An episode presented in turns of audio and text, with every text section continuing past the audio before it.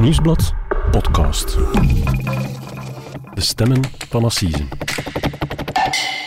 Hallo, mijn naam is Mark Klefman, misdaadreporter bij het Nieuwsblad. En ik ben Cedric Lagast, journalist bij diezelfde krant.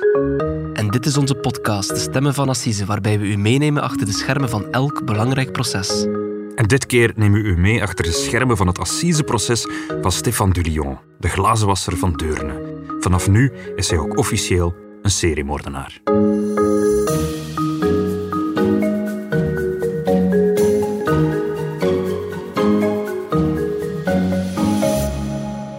Dag Cedric. Dag Mark. Cedric, welkom terug in de studio. Het Dankjewel. proces eh, rond glazenwasser Stefan Dulion is nu helemaal achter de rug. Juist. De poorten van Assise zijn gesloten, zeg maar. En jij hebt eh, de afgelopen weken ja, dat proces eh, rond Stefan Dulion gevolgd in de Assisenzaal in Antwerpen.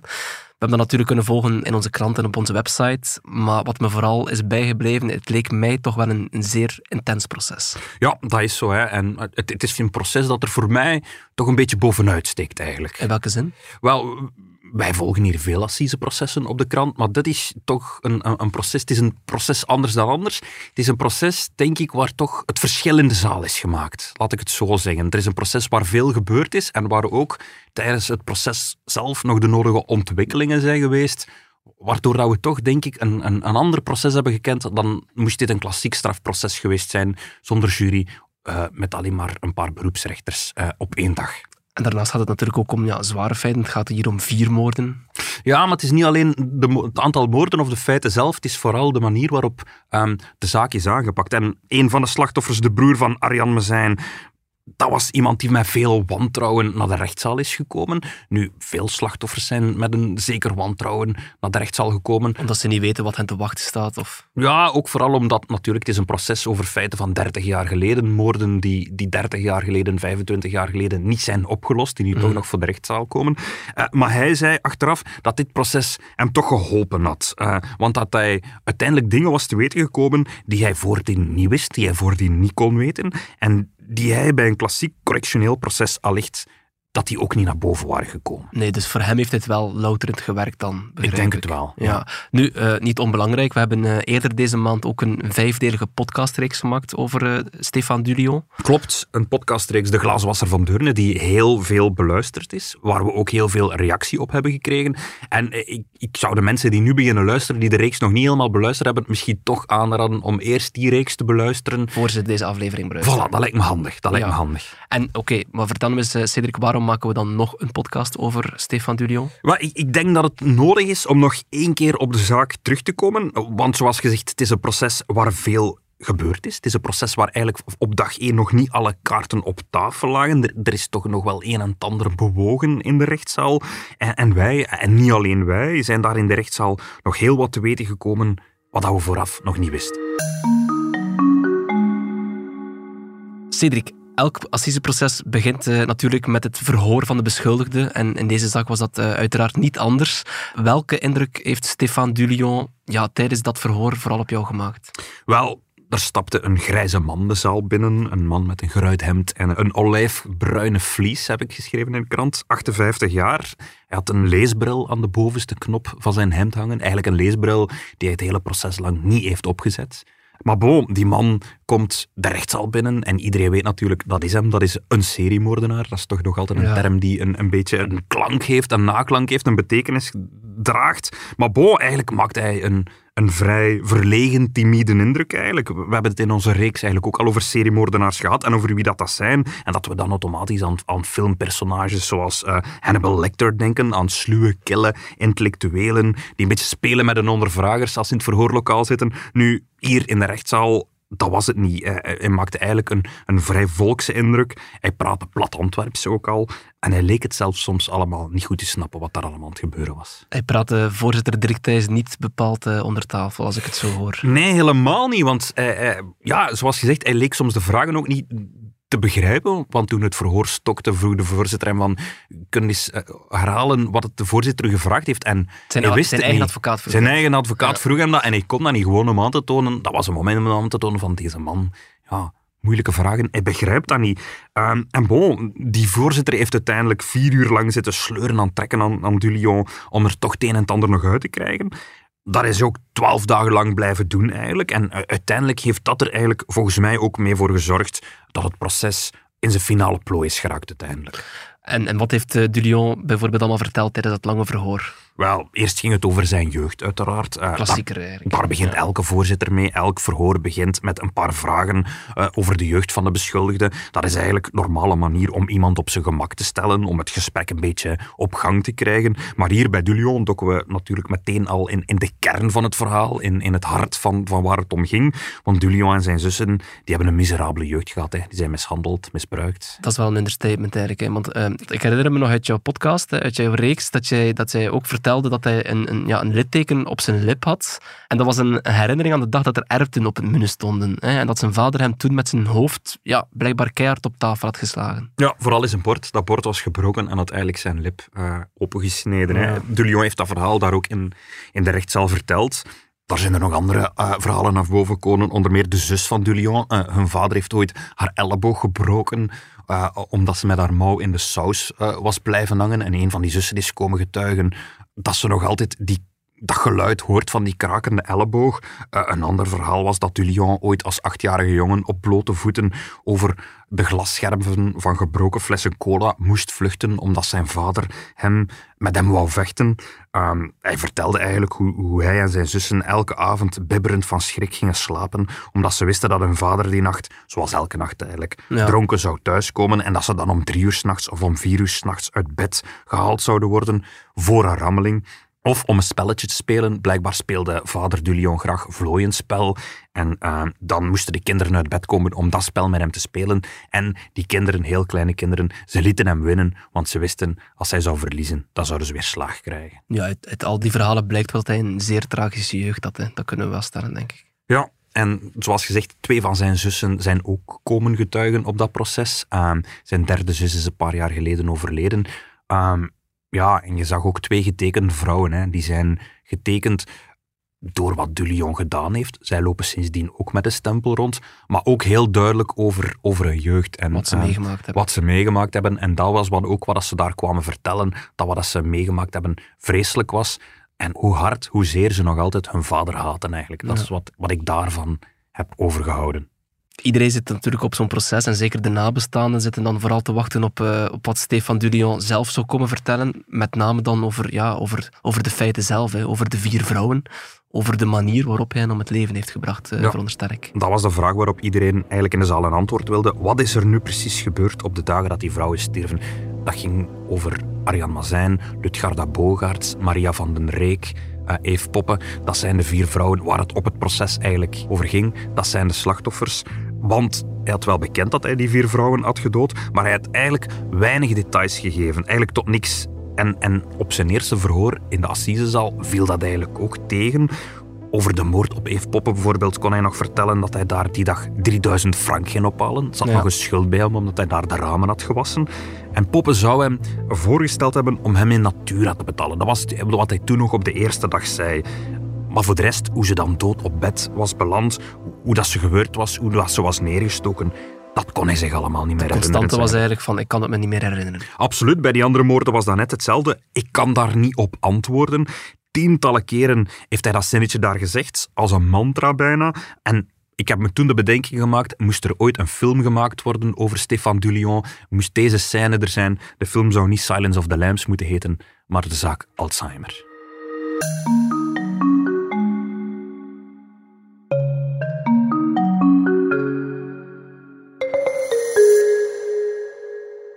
Cedric, we zaten hier dus met een, uh, met een seriemoordenaar uh, met geheugenverlies op zijn proces. Hè. Ja, hij weet dan nog dat hij, dat hij vier vrouwen uh, heeft vermoord, maar hij kan zich blijkbaar niet herinneren hoe hij dat gedaan heeft. Allee, dat klinkt zeer raar, toch? Dat klinkt heel bizar en dat bleek ook op het moment dat de gerechtspsychiaters langskwamen. Um, je kent dat ook, Mark. gerechtspsychiaters, dat is een klein beetje een verplicht nummertje. Dat is vaak wel interessant, maar toch zorgt het niet altijd voor de grote doorbraak, laten we zeggen, op, op een assiseproces. Tenzij bijvoorbeeld, ik heb, ik, ja, ik heb het proces rond Kim de Gelder gevolgd en daar de, de, de, de man die, die, in, ja, die in een crèche uh, taal van slachtoffers heeft gemaakt. Mm -hmm. Ik herinner me dat toen wel de inzet was van, ja, is hij toerekeningsvatbaar of niet? En toen was het eigenlijk een heel proces, een beetje een oorlog tussen de gerechtspsychiaters ja. over een dus toen was het wel zeer relevant. Maar Ja. inderdaad, vaak is het eh, een beetje meer een bijkomstigheid. Wel, hier zorgde het ook voor vuurwerk, want er waren twee colleges. Normaal stelt de onderzoeksrechter één team psychiaters aan, die dan de beschuldigde moeten onderzoeken. Maar hier hadden de advocaten van Stéphane Dulion ook twee experts onder de arm genomen. Tegen En- experts eigenlijk. tegen experts. En in de rechtszaal werden die allemaal samen eigenlijk ondervraagd. En dat zorgde toch een beetje voor spanning in de zaal. Omdat zij elkaar volledig tegenspraken. Wel, eigenlijk niet. Eigenlijk waren ze het redelijk eens met elkaar. Ze zagen, de beide groepen zagen eigenlijk allebei iemand met een narcistische, asociale persoonlijkheidsstructuur. Dat wil zeggen dat Dulion iemand is die erg op zichzelf is gericht. Hij is vooral met zichzelf bezig. Hij heeft een hoog zelfbeeld. Dat zijn dan de kenmerken die naar boven komen. En wat een ander voelt, dat interesseert hem niet. Hij heeft eigenlijk heel weinig inlevingsvermogen voor een slachtoffer Ja. bijvoorbeeld. En het was opvallend dat de twee experts die aangesteld waren door de verdediging, door de advocaten van Dulion, dat die soms nog harder waren voor Dulion dan eigenlijk de gerechtsexperts van de onderzoeksrechter. En soms vroeg je je af, wie is hier nu eigenlijk de expert van de verdediging en wie is aangesteld door de onderzoeksrechter? Dat is toch de, de volledig omgekeerde wereld eigenlijk dan. Dan kan je de vraag stellen, waarom werden zij er dan bijgehaald als, als tegenexperts? Wel, vooral om het over eh, psychopathie te hebben. Want een van de experts die heeft een boek geschreven over psychopathie. Die is een, een autoriteit op het vlak. En ehm, de eerste groep psychiaters die had Dulion daar niet op getest. En, en de tweede groep wel. En zij kwamen tot de conclusie dat Dulion op het randje zit van iemand die geringe tot hoge mate kenmerken van psychopathie heeft. En dat lijkt misschien niet zo heel gunstig, zou je kunnen Nee, zeggen. maar je zou denken dat die erger wordt bestempeld dan. Ja, maar ze wilde vooral de boodschap brengen dat psychopathie niet noodzakelijk tot recidivisme leidt. Het is niet omdat je psychopaat bent of kenmerken hebt van psychopathie in dit geval, dat dat wil zeggen dat je nieuwe feiten zult plegen. En dat was in het geval van Dulion belangrijk, want wat heeft hij de afgelopen 25 jaar gedaan? Dat was ook een van de centrale vragen, uiteraard. Ja, maar wat ik vooral wil weten is, ja, hoe komt het dat hij dan zegt op zijn proces van, ja, ik, ik herinner me er niks meer van. Ik weet niet meer wat er, wat er precies gebeurd is op het moment van de feiten. Daarop hebben ze hem uitvoerig getest, allebei de groepen. En, en in de beide gevallen was de uitleg, ja, we vinden geen uitleg. Er is geen enkele medische verklaring waarom dat hij zich bepaalde delen van die moord wel en andere delen dat weer niet zou kunnen herinneren. Heeft een normaal functionerend geheugen, zo bleek uit een aantal tests. En uiteindelijk konden er drie mogelijke verklaringen zijn. Eén verklaring is, is het gewoon vergeten? Dat kan, mensen vergeten dingen. Maar dan, zeggen die experts, als je daarover verhoord wordt, als je ondervraagd wordt, uiteindelijk zouden er toch een paar details weer naar boven moeten komen. En dat gebeurde er hier niet. En twee, dat was wat Dulion zelf zei, verdringing. Ik heb het zelf verdrongen.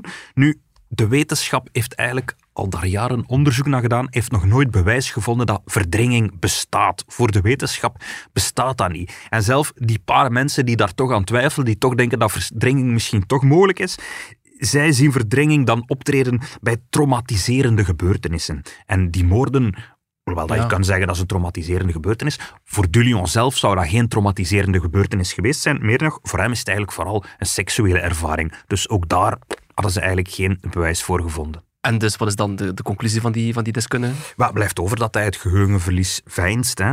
Aan de enige deskundige bijvoorbeeld vertelde hij meer details dan de andere, merkten ze op. Natuurlijk, als je door zes mensen onderzocht wordt, moet je vaak het, hetzelfde verhaal vertellen. En dan Ja, eh, kwamen er plots details naar boven die je de eerste keer niet had herinnerd. En ook, eh, als er reconstructie was, hij zich soms dingen niet te kunnen herinneren die hij voordien in die verhoren bij die psychiaters zich wel, wel had verteld. Dus dat was natuurlijk ehm, heel, heel verdacht. En uiteindelijk bleef er voor die zes experts maar één conclusie over. We kunnen op geen enkele manier verklaren waarom hij zich die dingen niet zou kunnen herinneren. Lees, hij doet gewoon alsof. Ja. Eh, maar dan, ja, dan kan je eigenlijk stellen dat hij dan tijdens die urenlange ondervragingen van, van, van de speuder, dat hij dan gewoon ja, een beetje aan het bespelen is en hen, ja, hen iets wijs maakt. Ja, dat zou een optie kunnen zijn, maar de experts zelf lieten nog de ruimte open dat hij het niet wil vertellen, omdat hij er zich voor schaamt. Want, zeggen ze, het is niet makkelijk om te vertellen over het ergste wat je als mens ooit gedaan hebt.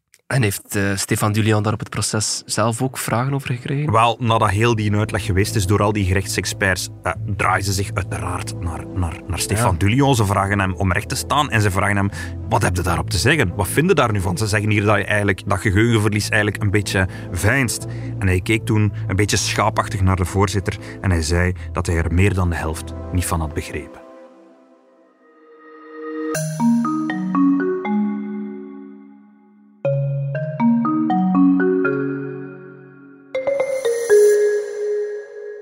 Cedric, je zei het al daarnet, er zijn experts komen getuigen, de psychiaters, maar, maar ook uh, ja, wetsdokters, zoals altijd op een assiseproces, de politie, de onderzoeksrechter. En niet onbelangrijk, heel veel gewone mensen, zeg maar. Dat is Mhm. typisch aan assisen, want ja, er is altijd een moraliteitsonderzoek. Ja. Ehm, wat is je daar ja, specifiek over bijgebleven? Wel, laat ik het zo zeggen, Stéphane Dulion heeft natuurlijk vier vrouwen vermoord. Dat is al een uitzonderlijk hoog aantal. Ehm, maar daarnaast heeft hij op, op 30 jaar tijd eigenlijk nog onnoemelijk veel meer mensen getroffen met zijn misdaden. Er is enorm veel leed uit die moorden voortgekomen. In een hele brede kring daar rond. En we hebben het in onze podcastreeks al gehad over Joël, de vriend van de vermoorde Arjan Mazijn. Hij heeft toen bij ons verteld dat hij niet alleen de liefde van zijn leven was verloren, maar dat hij ook jarenlang eh, heeft geleden omdat hij als een hoofdverdachte werd beschouwd. Niet alleen door de speurders, maar ook door de ouders van Arjan en, en door de mensen rond hem, zelfs de mensen in zijn café. We kunnen daar misschien nog even naar luisteren. Dat is niet niks, hè, als, ze- als ze verdenken van moord. Zeg. Ja. Ja, ik had zo geen levenslust ook niet meer zo. Dat is zo echt. Nee. Ik voelde me echt niet goed. Weet wanneer dat ze zijn tegen mij, dat ze van overtuigd waren dat ik er niks mee te doen had? Na de tweede uh, detector. En we kwamen terug en in de notte zei hij hier met die twee jaar, dan zijn we zeker dat je er niks mee te maken hebt. En in die kaart werd een Mike Proficiat na tien jaar.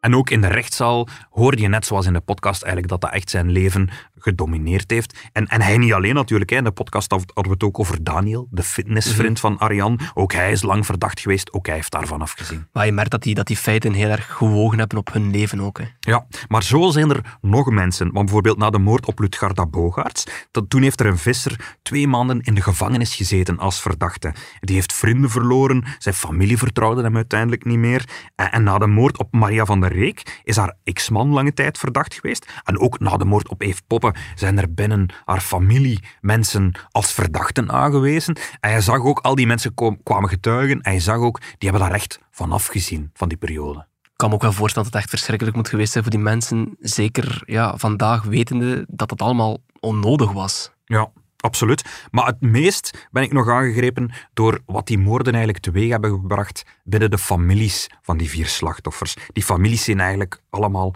kapot gemaakt door die moorden. Ik, ik kan het niet anders zeggen. De broers en de zussen van die slachtoffers, die hebben één voor één getuigd hoe hun ouders allemaal eigenlijk stilletjes ten onder gegaan zijn van verdriet. Ze zijn nooit meer gelukkig geweest en uiteindelijk zijn ze allemaal gestorven aan een gebroken hart. En de broer van Arjan Mazijn, die vertelde bijvoorbeeld hoe dat zijn vader in een diep gat viel na de moord, dat hij daar nooit is uitgeklommen. Hij zei zelf, hun vlammetje is uitgegaan. Hij had het dan over zijn beide ouders. Zijn beide ouders zijn uiteindelijk op een paar maanden tijd van elkaar allebei gestorven.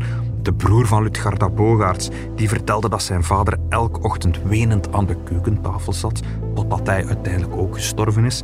De vader van Maria van der Reek, die stond elke dag aan het politiekantoor. Elke dag kwam hij vragen of dat er nieuws was over de moord op zijn dochter.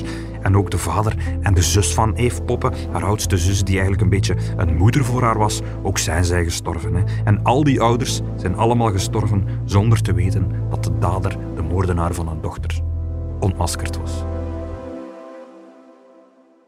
Als je het zo beschrijft, dan besef je pas echt hoeveel, hoeveel leed eh, Stefan Dulion de voorbije jaren heeft veroorzaakt. Ook niet onbelangrijk, op het proces zijn ook de, de ex-vrouwen van Stefan Dulion komen getuigen. Ja, en zijn drie kinderen. En dat dreigen we soms wel eens een beetje te vergeten, maar ook Ook zijn familie komt aan bod natuurlijk. Voilà, en ook de familie van de dader, dat zijn ook slachtoffers. Hè. Ook zij hebben heel erg hard te lijden gehad onder die situatie.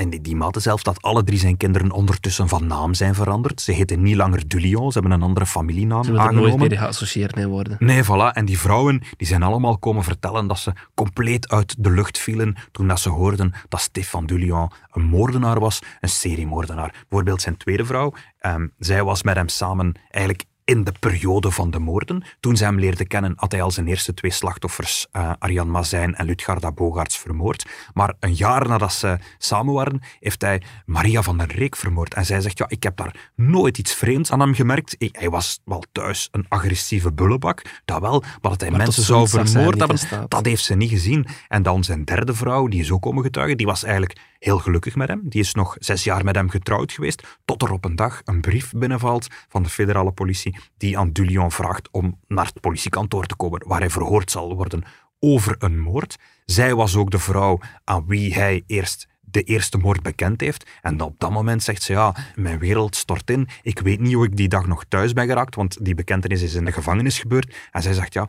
op dat moment besefte zij echt dat ze heeft samengeleefd met een seriemoordenaar.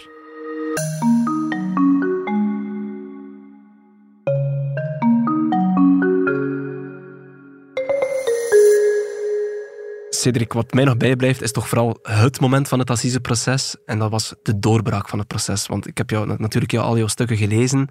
En op een gegeven moment, ik denk dat het vorige, vorige week vrijdag was, ja. toen was er de getuigenis van de dochter van Eve Poppen. Ja, en dat heeft, alles, heeft de hele zaak opengebroken natuurlijk. Het ging om haar jongste dochter, Vanessa Dumares.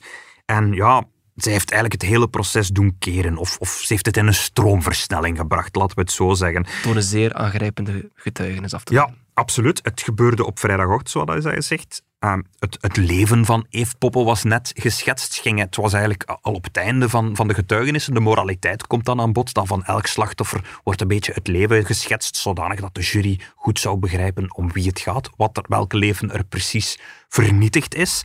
En, en haar dochter kwam ook aan bod om te vertellen wie haar moeder voor haar was. En dat was eigenlijk al een heel tragisch verhaal, het leven van Eve Poppe. Want Eve Poppe was een vrouw met, met een mentale beperking. En haar kinderen waren in pleeggezinnen geplaatst, omdat ze eigenlijk op dat moment niet meer voor haar kinderen kon zorgen. En ze wilde haar kinderen graag terug en ze was daar ook naartoe aan het werken. En die kinderen wilden ook terug.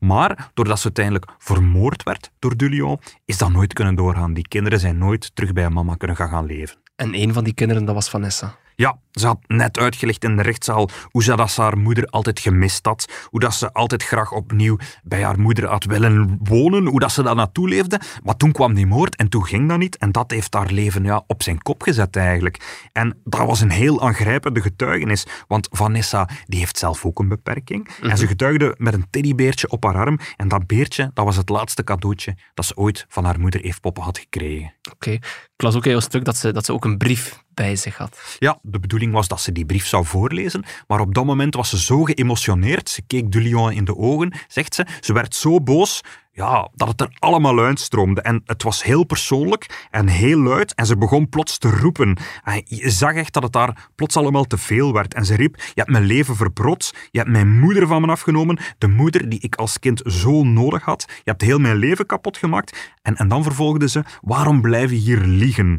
Alle families blijven hier met vragen zitten. Ik wil weten wat er met mijn mama gebeurd is. Al die mensen willen dat weten. En wij blijven afzien. En dat zal duren tot zolang dat jij je mond houdt. En ze vertolkt eigenlijk ja, het gevoel bij alle nabestaanden, denk ik. Eigenlijk allemaal wilden ze gewoon antwoorden van Stefan Dulion. Ja, ze sprak Dulion heel persoonlijk toe. Eigenlijk wat er leefde bij al die slachtoffers, denk ik. En vooral belangrijk, ze had het ook over zijn jeugd. Ze zei, ik, ik begrijp jouw situatie, ik heb juist hetzelfde meegemaakt, ik heb ook een moeilijke jeugd gehad, maar vertel gewoon wat er gebeurd is. Mensen zullen veel rustiger zijn als jij de waarheid zegt. En dat bleef niet in dovenmansoren, zo bleek. Nee, dat, je voelde ook heel die zaal keek naar Stefan Dulion. En Stefan Dulion die stond ook te kijken naar, naar Vanessa Dumares. Hij, hij, hij, begreep niet goed eerst wat er gebeurde. Zijn ogen werden eerst heel groot, want dat had hij niet verwacht. En dan, dan begon hij te huilen, te wenen. En hij heeft uiteindelijk in tranen geantwoord. Hij stond recht en hij zei... Je hebt gelijk. Ik zal je een antwoord geven. Ik schaam me inderdaad voor mijn daden. Het is daarom ook dat ik de jury hier nog niet één keer in de ogen heb durven kijken. En het klopt, ik heb uw moeder in de val gelokt. Ik heb uw moeder met voorbedachte raden gedood. Ongelooflijk straf toch, dat, dat, dat zij tot die doorbraak kan komen. Ja, ik had toen het idee, het was alsof iemand een plateau vol glazen in de zaal zou laten vallen. Het, het werd muisstil in die zaal. Iedereen keek naar elkaar. Wat gebeurt er hier? Wat zegt hij hier allemaal? En, en dan ontplofte de boel, al die advocaten. Iedereen begon met elkaar te praten. Je zag advocaten heel driftig op hun computers te beginnen tikken. Die wilden noteren wat hij gezegd had, want dat was belangrijk. En, en er werden ook vragen gesteld, want plots plots lag er daar een bekentenis op tafel. ja, eigenlijk echt wel ongezien hè, dat, die, dat die vrouw daarin slaagt. Eh, want Cedric, Stefan Dulion, die is sinds 2018 door, ja, hoeveel zouden er zijn, tientallen agenten ondervraagd. Eh, vier uur lang ook ja, op het proces zelf door de assisenvoorzitter op de rooster gelegd. Ja, er zit ook een, een batterij aan toppleiters. Die hebben ook de hele tijd eh, vragen stellen. Ja, hoe komt dat dan dat, dat een vrouw met een teddybeer en die dan een brief bij zich heeft, dat zij er dan wel in slaagt om ja, een CD-moordenaar te doen kraken, wat de anderen totaal niet lukt. Ja, wel, die vraag is uiteindelijk later, op een later moment dan ook aan Stefan Dulion gesteld. En hij, hij zei toen zelf over dat die, die de vragen van Vanessa hard waren binnengekomen. Dat waren zijn woorden. En hij was blijkbaar ook geëmotioneerd, ehm, omdat Vanessa daarnet voordien had, had uitgelegd dat zij als persoon met een handicap zich altijd een klein beetje achteruitgezet voelde in de samenleving. En Dulion zei, ja, ik heb ook een zus met een handicap gehad. En die zus was hem heel dierbaar. Hij had altijd heel erg proberen zorgen voor die zus. En ja, hij zei dat dat hem had aangegrepen. Maar ik denk, misschien was het ook wel een beetje... Hij was al dagenlang daarover ondervraagd. Dagenlang lag hij onder vuur. Elke keer als hij de zaal binnenkwam, moest hij rechtstaan en vroeg de voorzitter hem, is er nog iets dat hij wil vertellen? dezelfde vraag. Ja, ik kreeg altijd maar dezelfde vragen. En hij, hij voelde ook wel, ze geloven mij hier niet. Ze geloven me niet dat ik het niet herinner. Ook al omdat die psychiaters daar waren komen zeggen dat, hij, ja, dat het verzonnen was. En ik denk dat hij daardoor al een beetje gemasseerd was. En uiteindelijk werd hij op zijn eigen niveau aangesproken, Ja. zullen we maar zeggen, door iemand die hem leek te begrijpen. En is hij daardoor overstag gegaan. Maar ik heb daarnaast nog iets anders ook bedacht. Wat dan?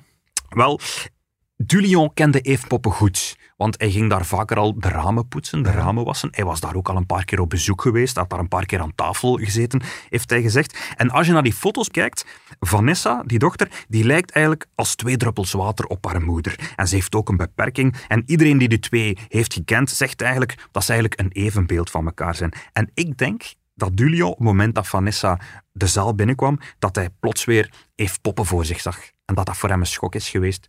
En dat hij daardoor ook overstag is gegaan.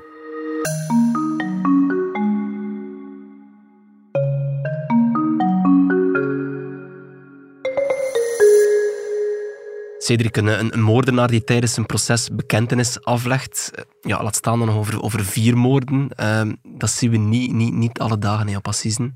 Ehm, zou het kunnen dat, dat Stefan Dulion ja, misschien toch op het proces ergens de boel naar zijn hand proberen te zetten? Ik, ik denk het niet. En dat gevoel had ik toch niet in de zaal. En ik denk eigenlijk ook niet dat hij daar de intellectuele capaciteiten van voor heeft. Want zijn IQ, dat wordt door die twee groepen gerechtspsychiaters ehm, op 90, dat wel op 75 geschat. Ze zien hem toch allebei als, als, als minder begaafd. Of, en, en ik zie ook niet in welk voordeel dat hij er uiteindelijk zou bij gedaan hebben door eh, zo lang te wachten met bekentenissen. Of door plots dan een bekentenis Misschien ergens leggen. sympathie opwekken? Of, ja. ja, die sympathie, dat is dan toch heel tijdelijk. Want ja, op het moment dat hij dat doet, zijn mensen blij dat hij hen toch iets vertelt. Maar ja, uiteindelijk zijn die mensen dan toch weer boos, omdat hij zo lang, over hen, eh, dat hij zo lang daarover gelogen heeft. En, Voorgelogen echt. hè. ja, en, en, en, en uiteindelijk zal er altijd toch nog altijd het gevoel zijn dat hij toch nog altijd niet de volledige waarheid vertelt. Nu, wat heeft hij nu eigenlijk ja, allemaal precies opgebiecht tijdens het proces? nadat die bekentenis is gevallen, heeft de voorzitter de zitting even geschorst, heeft daarna Dulion opnieuw laten rechtstaan en hij zei, meneer Dulion, u begrijpt dat ik hier opnieuw vragen over ga stellen. Ja. En heeft zijn verhoor van een week eerder, het verhoor waarmee het assiseproces was begonnen, dat heeft eigenlijk helemaal opnieuw gedaan. En is begonnen bij Eve Poppen. En Eve Poppen, dat was de vierde moord. Daarvan zegt Dulion, ja, ik ben er langs geweest omdat ik 3000 frank te goed heb. Ze hadden inderdaad aan tafel gezeten. Maar daar, zegt hij, dan heb ik haar verschalkt naar de slaapkamer. Dus het feit dat ze hem wou betalen in natura, dat was gelogen, dat was verzonnen. Dat wisten we eigenlijk al, want in de portefeuille van Eve Poppen, die was blijven liggen, was 3000 frank gevonden. Dus ze, ze had hem Ja, kunnen toen- betalen, dat Ja. was niet nodig geweest. En hij zegt, toen we daar aan tafel zaten, toen ik iets aan het drinken was, daar heb ik beslist dat ik haar zou verkrachten en dat het niet zo goed zou aflopen voor Hij had haar. een duidelijk plan op dat Dat heeft hij ook gezegd, ja. Ja. En heeft daar uiteindelijk geslagen, allicht bewusteloos geslagen, en vervolgens verkracht en dan gewurgd. En ze moest dood, omdat zij hem anders zou kunnen aanwijzen als, als haar verkrachter. En dat was hem eh, in, in 85 en 86 al eens overkomen. Hij moest naar de gevangenis. Dat wou hij geen tweede keer meemaken. Nu, dat is dan uiteindelijk ja, zijn versie, maar wordt dat dan aan getwijfeld of niet? Wel, het, het gaat over de volgorde, laten we maar zeggen. En het is eigenlijk advocaat Walter Damen, de advocaat van de familie Mazijn, die dat voor het eerst heeft aangekaart. En later in zijn requisitoor is de advocaat-generaal eh, daar ook een beetje in gevolgd. Het komt erop neer dat het ook zo zou kunnen zijn dat hij de vrouwen eerst vermoord heeft en dan pas aangerand. En een belangrijke aanwijzing daarvoor is dat Eve Poppen eigenlijk is neergestoken door haar t-shirt heen. Dus ze- heeft zeven messteken, maar die zijn allemaal door haar t-shirt gegaan. En wat moeten we daaruit begrijpen? Hij heeft daar eigenlijk neergestoken voor ze was uitgekleed. En uiteindelijk, toen haar lichaam werd teruggevonden, was ze uitgekleed. Hij had haar uitgekleed om haar te verkrachten. Dus zou je kunnen zeggen, heeft ze eigenlijk neergestoken en dan pas verkracht. En wat zegt hij daar zelf over? Wel, uiteraard hebben ze hem daar vragen over gesteld. En Dulion zegt, ik heb zieke dingen gedaan, maar zo ziek, dat zou ik niet doen. Oké, en wat zegt hij dan over de andere vrouwen? Wel, het is zo'n beetje hetzelfde verhaal, telkens weer. Hij zegt, hij heeft ze met geweld geslagen, dan waren ze groggy of buiten Westen. Hij heeft ze vervolgens verkracht en uiteindelijk dan vermoord. Nu, het valt wel op, het is allemaal op dezelfde manier eh, een beetje gebeurd. Hè. Eh, maar ja, tijdens het onderzoek heeft dan niemand van de politiediensten dat verband gezien. Ja, en dat was voor mij toch wel de grootste verrassing. Dat niemand ooit gezien heeft dat dat eigenlijk vier kopieën waren. Dat dat vier keer dezelfde moord was. Ehm, want het ging telkens om vrouwen die verkracht en gewurgd werden. Die op een plek werden aangetroffen die voor de rest onaangeroerd was. En Dulion had zelfs zijn eigen handelsmerk is gebreken op het proces. Hij wurgde met een snoer dat hij ergens ter plekke daar vond. Het, het snoer van een krultang, het snoer van een zonnebank. Maar hij legde daar altijd dezelfde karakteristieke knoop in. Ja. Maar hoe komt het dan dat, dat, dat, dat die politiediensten dat, dat niet doorhebben? Dat daar een verband Ja, wel, in, in onze podcastreeks hebben we al gezegd van ah, het waren de jaren negentig en die politiediensten werkten nog niet zo goed samen. Het was voor de grote politiehervorming en er waren ook, ja, De je, je maakte dossiers. door. Of... De informatie stroomde niet door, pa- pa- dossiers werden nog op papier gemaakt. Maar op het proces is eigenlijk ook gebleken dat bij alle vier de moorden er telkens dezelfde wetsdokter is langs geweest. En die is in drie van die gevallen ook ter plekke geweest. En ze hebben in de rechtszaal ook de foto's getoond van de plekken van hoe die vrouwen daar zijn aangetroffen.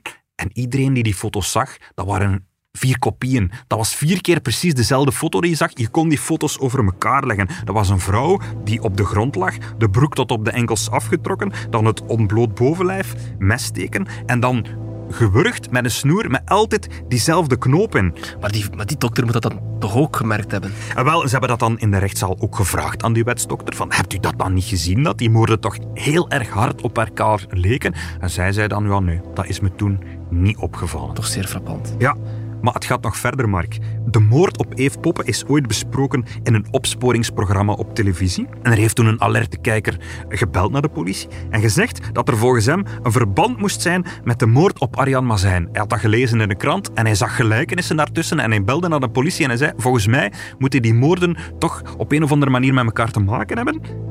En dat is weggewuifd, want ze hebben dat onderzocht, de speurders. Maar omdat Arjan en Eve geen gemeenschappelijke vrienden hadden, was de conclusie dat het niet dezelfde dader kon zijn.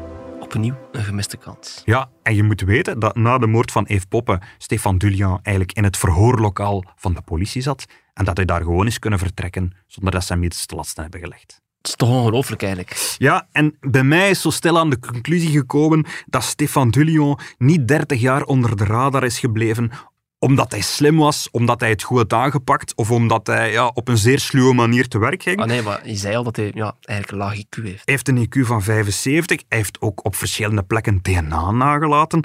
Ik denk eigenlijk dat hij vooral heel veel geluk heeft gehad met de mensen die hem moesten vangen, die hem moesten opsporen, dat die niet goed hebben opgelet. En als het verband dan zou gelegd zijn, zou de moord dan opgelost zijn? Als ze wisten dat die vier moorden met elkaar verband hielden, dan zouden de speurders op zijn minst naar een verband gezocht hebben. En er was eigenlijk maar één verband tussen die vrouwen, want drie van hen die hadden gewoon dezelfde ruitenwasser.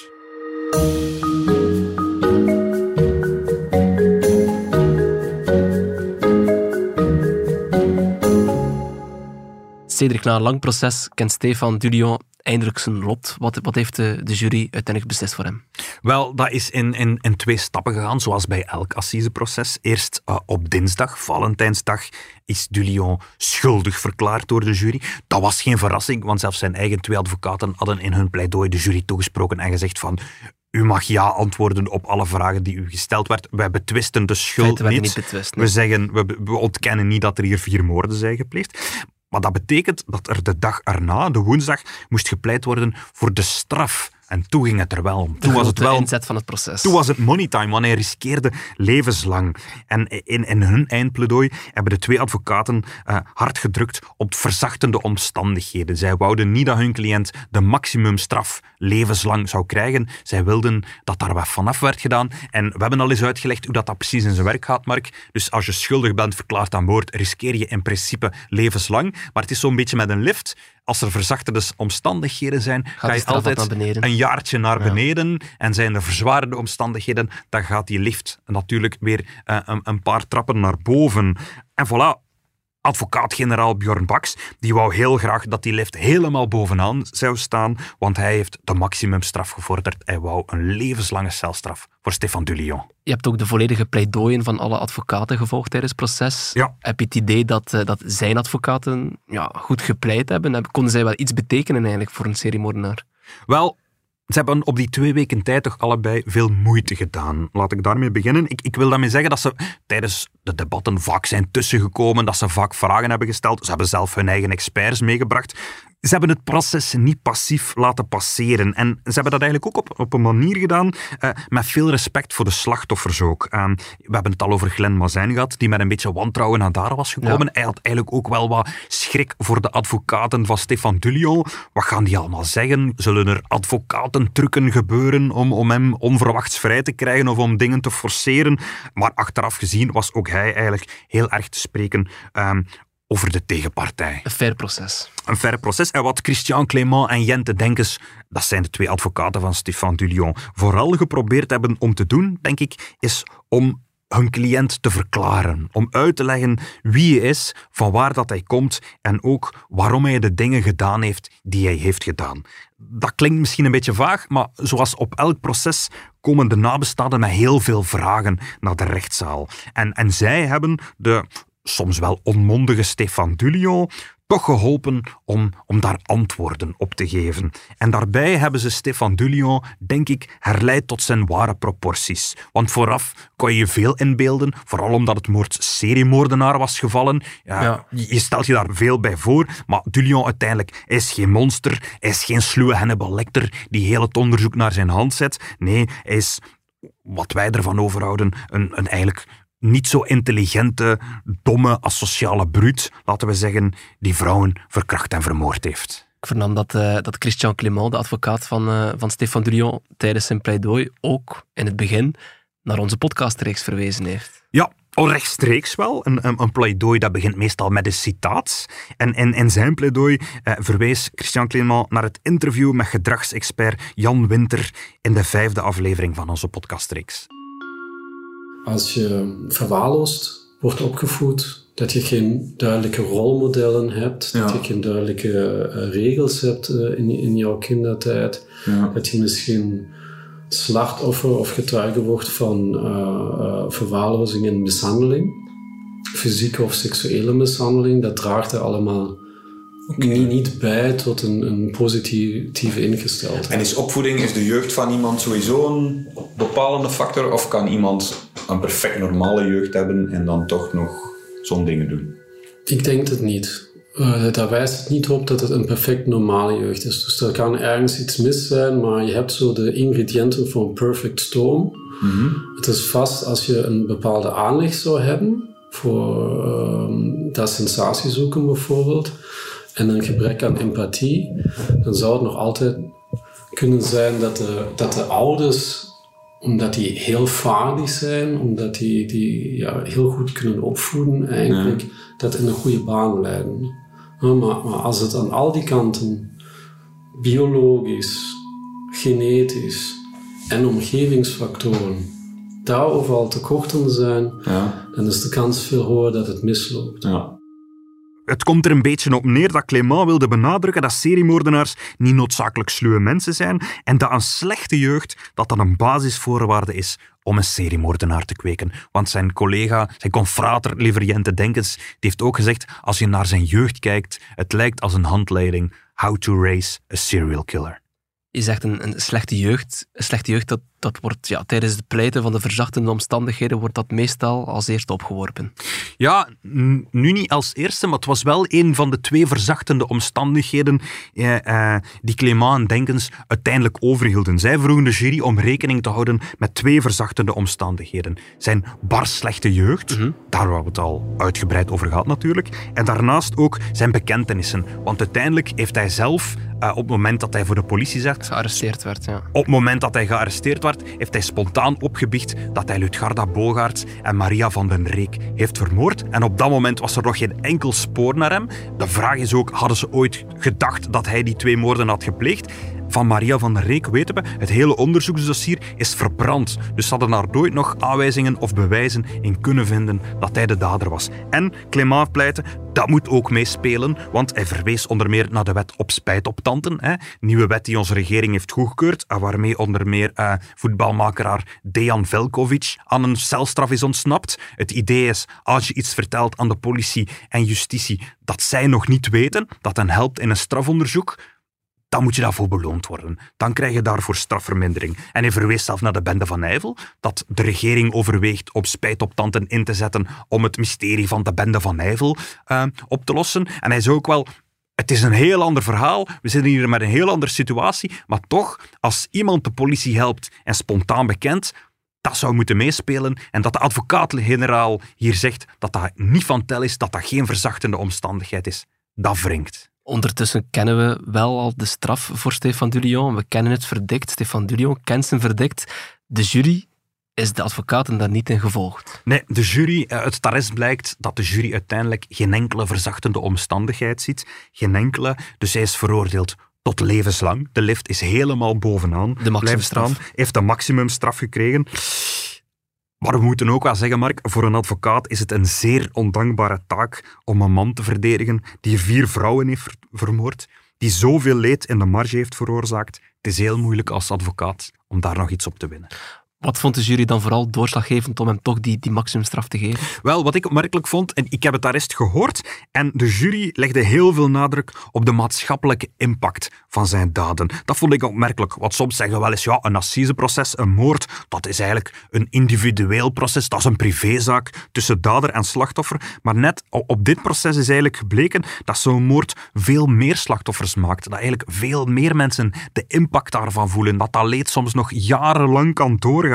En juist daarom moeten zo'n moorden voor een volksjury berecht worden. Dat is het idee daarachter. En de volksjury, de assisejury, heeft uiteindelijk ook gezegd van kijk, die mens heeft een enorme impact gehad op zijn slachtoffers, op de familie van zijn slachtoffers, maar nog heel veel mensen daar rond, ook in Antwerpen in de jaren negentig, was er angst. Mensen durfden niet meer buiten komen. De sociale cohesie is aangetast. De maatschappij is ontwricht, waren letterlijk woorden die gezegd werden. En daarom kunnen wij niet anders als maatschappij dat hem een levenslange celstraf opleggen. Levenslang. Stefan Dulion komt daarmee in het rijtje van, van, van andere seriemoordenaars, hè, zoals eh, Ronald Jansen, Alexander Dien bijvoorbeeld, de bodybuilder. Ja. Eh, is het denkbaar dat hij op een dag toch nog de gevangenis buitenstapt?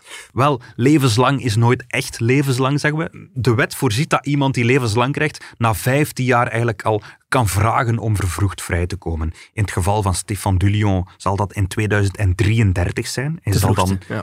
hij zal dan 69 jaar zijn. Dan kan hij voor de allereerste keer vragen om vervroegd vrij te komen. Of hij dan al vervroegd vrij zal gelaten worden, dat weten we niet. We kunnen niet in de toekomst voorspellen. Maar Jeff Vermassen, advocaat van de dochter van Eve Poppen, heeft daar eh, iets interessants over gezegd. Heeft ook het arrest gehoord en hij zegt, ik ben blij dat het een heel gemotiveerd arrest is. Dat er heel veel uitgelegd wordt wat Stefan Dulion precies gedaan heeft en ook wat de impact daarvan was. Want die strafuitvoeringsrechtbank die daarover moet beslissen, die krijgt niet heel het strafdossier. Die moet soms ook gewoon over zaken beslissen waar ze niks meer van af weten. Zaken die lang geleden gebeurd zijn. En hier zullen ze dat arrest kunnen lezen, zullen ze kunnen lezen wat hij gedaan heeft.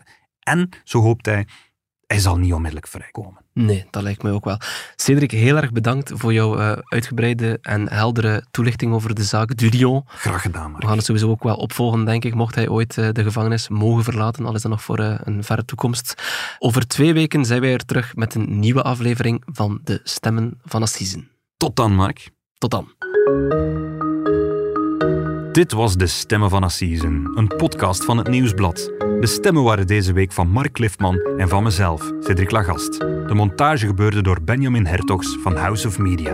En de productie was in goede handen bij Joni Keimolen en Bert Heijvaart.